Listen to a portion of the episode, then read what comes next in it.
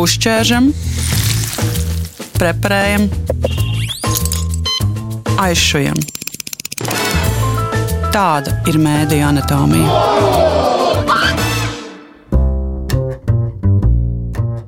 Katrs no mums ir potenciāls dezinformācijas upuris, un notikumi pasaulē pēdējās nedēļās pierādījuši, ka no tās nav pasargāti arī vispieredzējušākie mēdīju profesionāļi.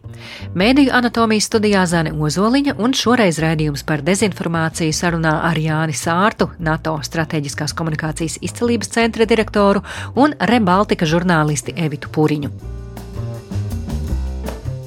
Vai tu vari padalīties par to, kas šobrīd ir eh, tavā redzeslaukā tādas aktuālās tēmas? Eh, es īsi atgādināšu klausītājiem, ka Evita pārbauda un atrod sociālajos tīklos izplatītās melu ziņas un eh, atspēko tās, lai mūsu klausītāji, lasītāji ar LSM var saprast, kas un no, no kurienes kājas tādām ziņām aug un kāpēc vajag tam pievērst uzmanību. Kas ir tagad tavā uzmanības lokā? Ļoti labi kā vienmēr, iet dažādi vēstījumi par to, cik Latvijā viss ir slikti.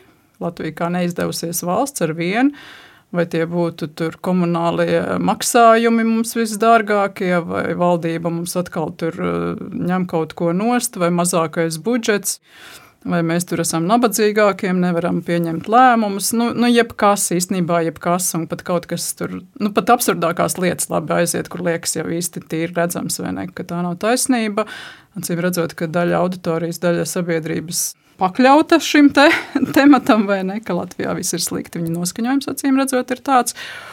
Nu, klimata pārmaiņas mums ir ar vien biežāk un ar vien vairāk, un es domāju, ka tas tuvākajā nākotnē tikai augs, un tam arī vajadzētu būt gataviem.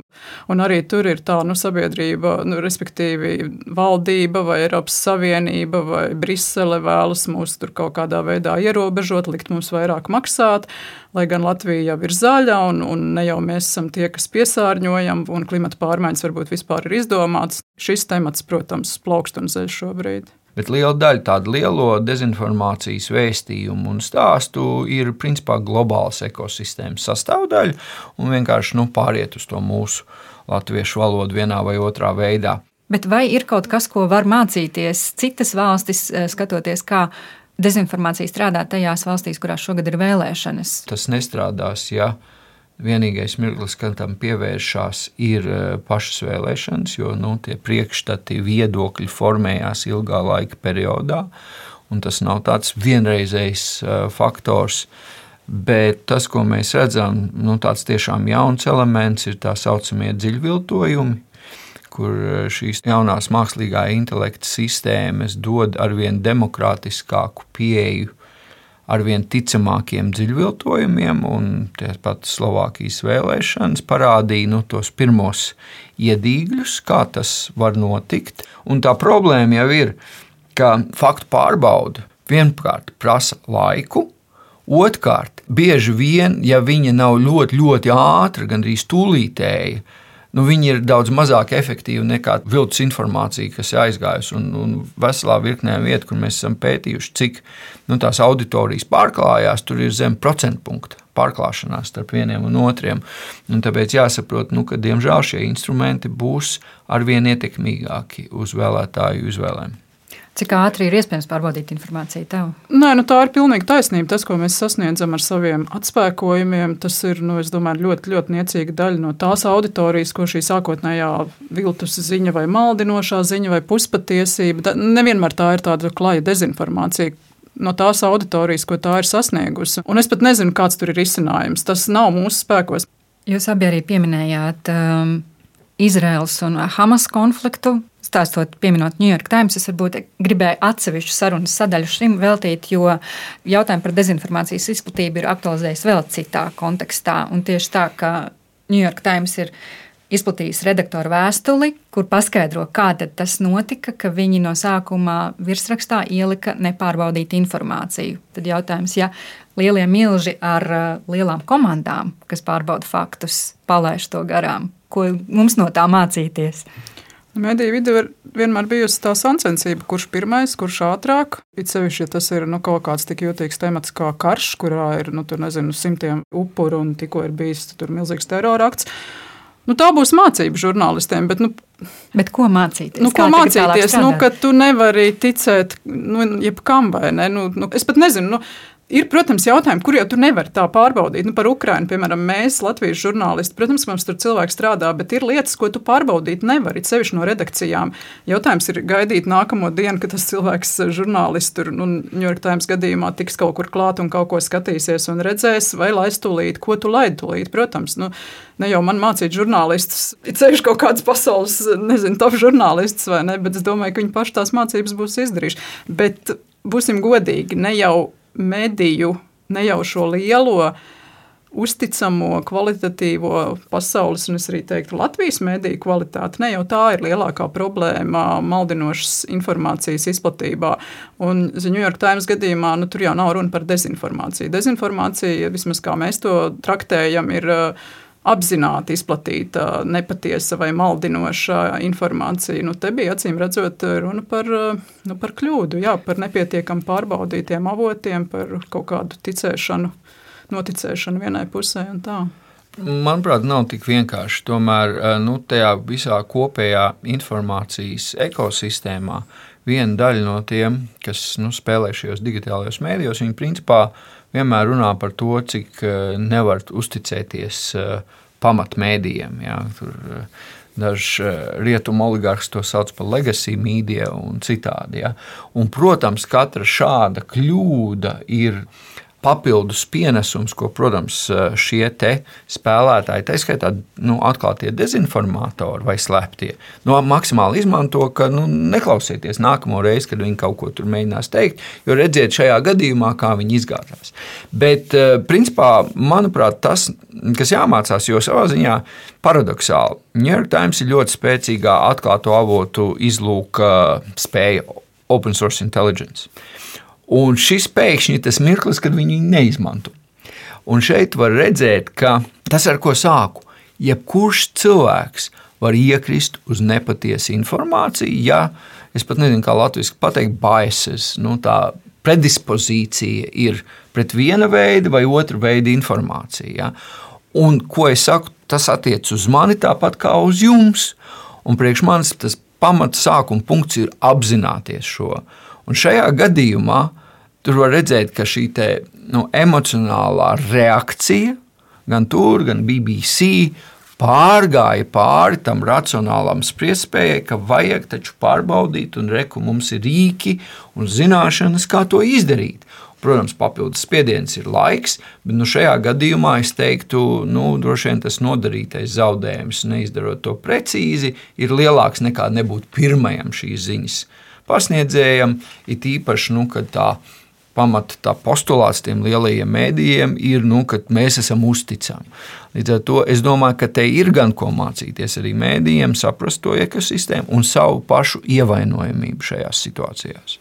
Nu, mums jau arī netrūkst kļūdu mēdījos, vai ne? Jautājums ir, kā mēs tās atsaucam, kā mēs labojam, ka paši mēdīji par to runā. Bet, protams, ka tas uzticamībai mēdījiem nenāk par labu neapšaubām. Jā. Es gribu vēl piesaistīt vēl citu spēlētāju, mākslīgo intelektu vai tas ir vairāk draudz, vai mākslīgais intelekts var palīdzēt mums uh, izfiltrēt šo dezinformāciju? Pagaidām mākslīgais intelekts ir tikai rīks, vēl kādu laiciņu. Un šī būs noteikti kā tāda bruņošanās sacensība. Jā. Jo kā rīks viņš var tikt izmantots gan lai veidot realitātes, dažādas alternatīvas, pilnīgi ticams, grūti atšķirams no vienas puses, No otras puses, tas var būt arī rīks, kas palīdz gan nu, teiksim, pārbaudīt saturu, verificēt saturu, gan arī ražot saturu. Ir arī otri efekti, un tas viens gadījums, kas man tiešām lika pārdomāt šo situāciju, bija mūsu konferencē Code of Africa pārstāvs stāstīja par gadījumu, kur Āfrikā mākslīgā intelekta radīta personība, nu, ne tikai bilde, bet arī nu, dzīves tāds, visas aktivitātes sociālos mēdījos, bija nodibinājusi tā, teiksim, tā, ziņu portālu. Nolīgusi 16 īstus cilvēkus, žurnālistus, kas radījuši saturu ar nelielu, nu, jeb lielāku noslēdzu uz zināmu dezinformāciju, bet faktiski to vadījusi bija nu, mākslīgā intelekta ģenerēta persona. Nu, kas kā, nu, ieskicē nedaudz to, uh, vietu un vidi, kurā mēs ieejam. Bet kā šis stāsts beidzās? Vai tie cilvēki saprata, un kā viņi saprata, ka viņus vada un noalgo mākslīgais intelekts, un savukārt kas pēc tam aizstāv mākslīgā intelekta, kādam jau ir jāiesāk tā ķēdīte? Ziniet, nu, es saprotu, ka cilvēkiem naudu maksā, darbu dara. Joprojām. Uh, nē, nē, nu, tur iejaucās tas Code of Africa, un tad publicēja to. Es saprotu, tas arī pārtrūka, jo nu, tā jēga tiem, kas to finansēja, tad pazuda. Bet, uh, cik es saprotu, tad paši žurnālisti, nu, nē, tas nebija tas faktors. Es kopā ar jums gribēju atsaukties uz šī uh, raidījuma iepriekšējo epizodi. Es runāju ar Igaunijas sabiedriskā mediju vadītāju par vienu konkrētu tēmu, par viņu saturu Krievijas valodā. Viņiem ir ETV plus un Radio 4 arī Krievijas valodā.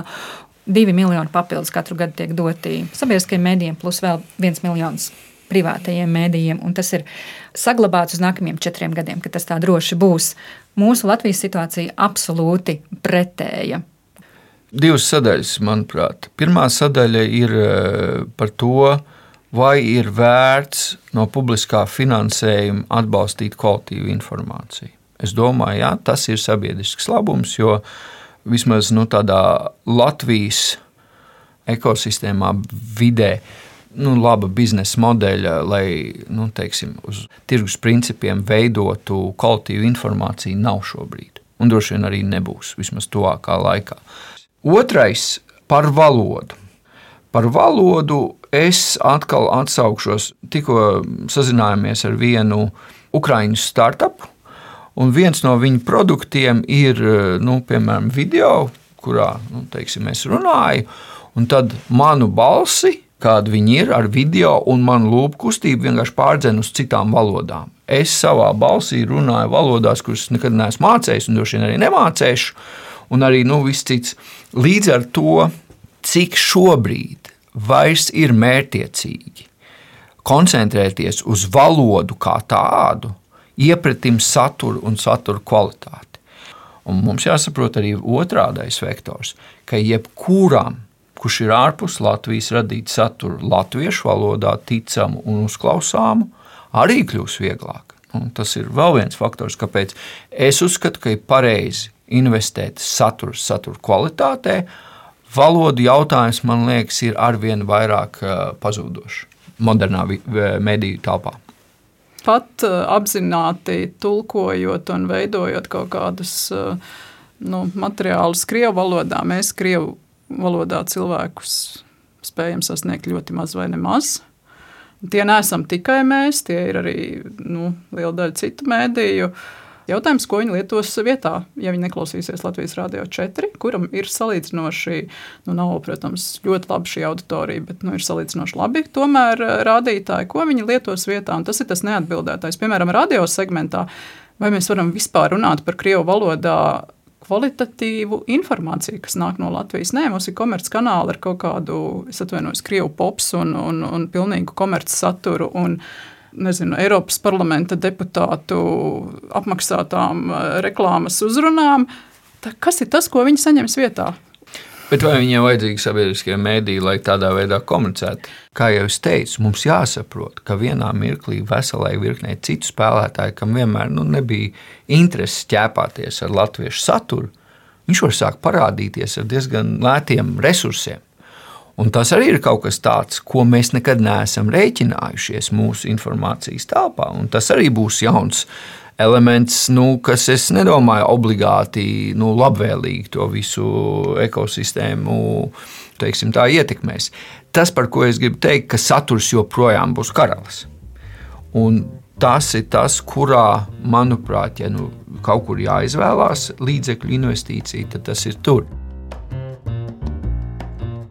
Dzirdējāt sarunu ar Jāni Sārtu, NATO strateģiskās komunikācijas izcilības centra direktoru un Rebaltika žurnālisti Evitu Pūriņu. Raidījumu mēdīju anatomiju veidoja Zane Ozoliņa un Reinis Budze. Uzķēršam, preparējam, aizšujam. Tāda ir mēdīņu anatomija.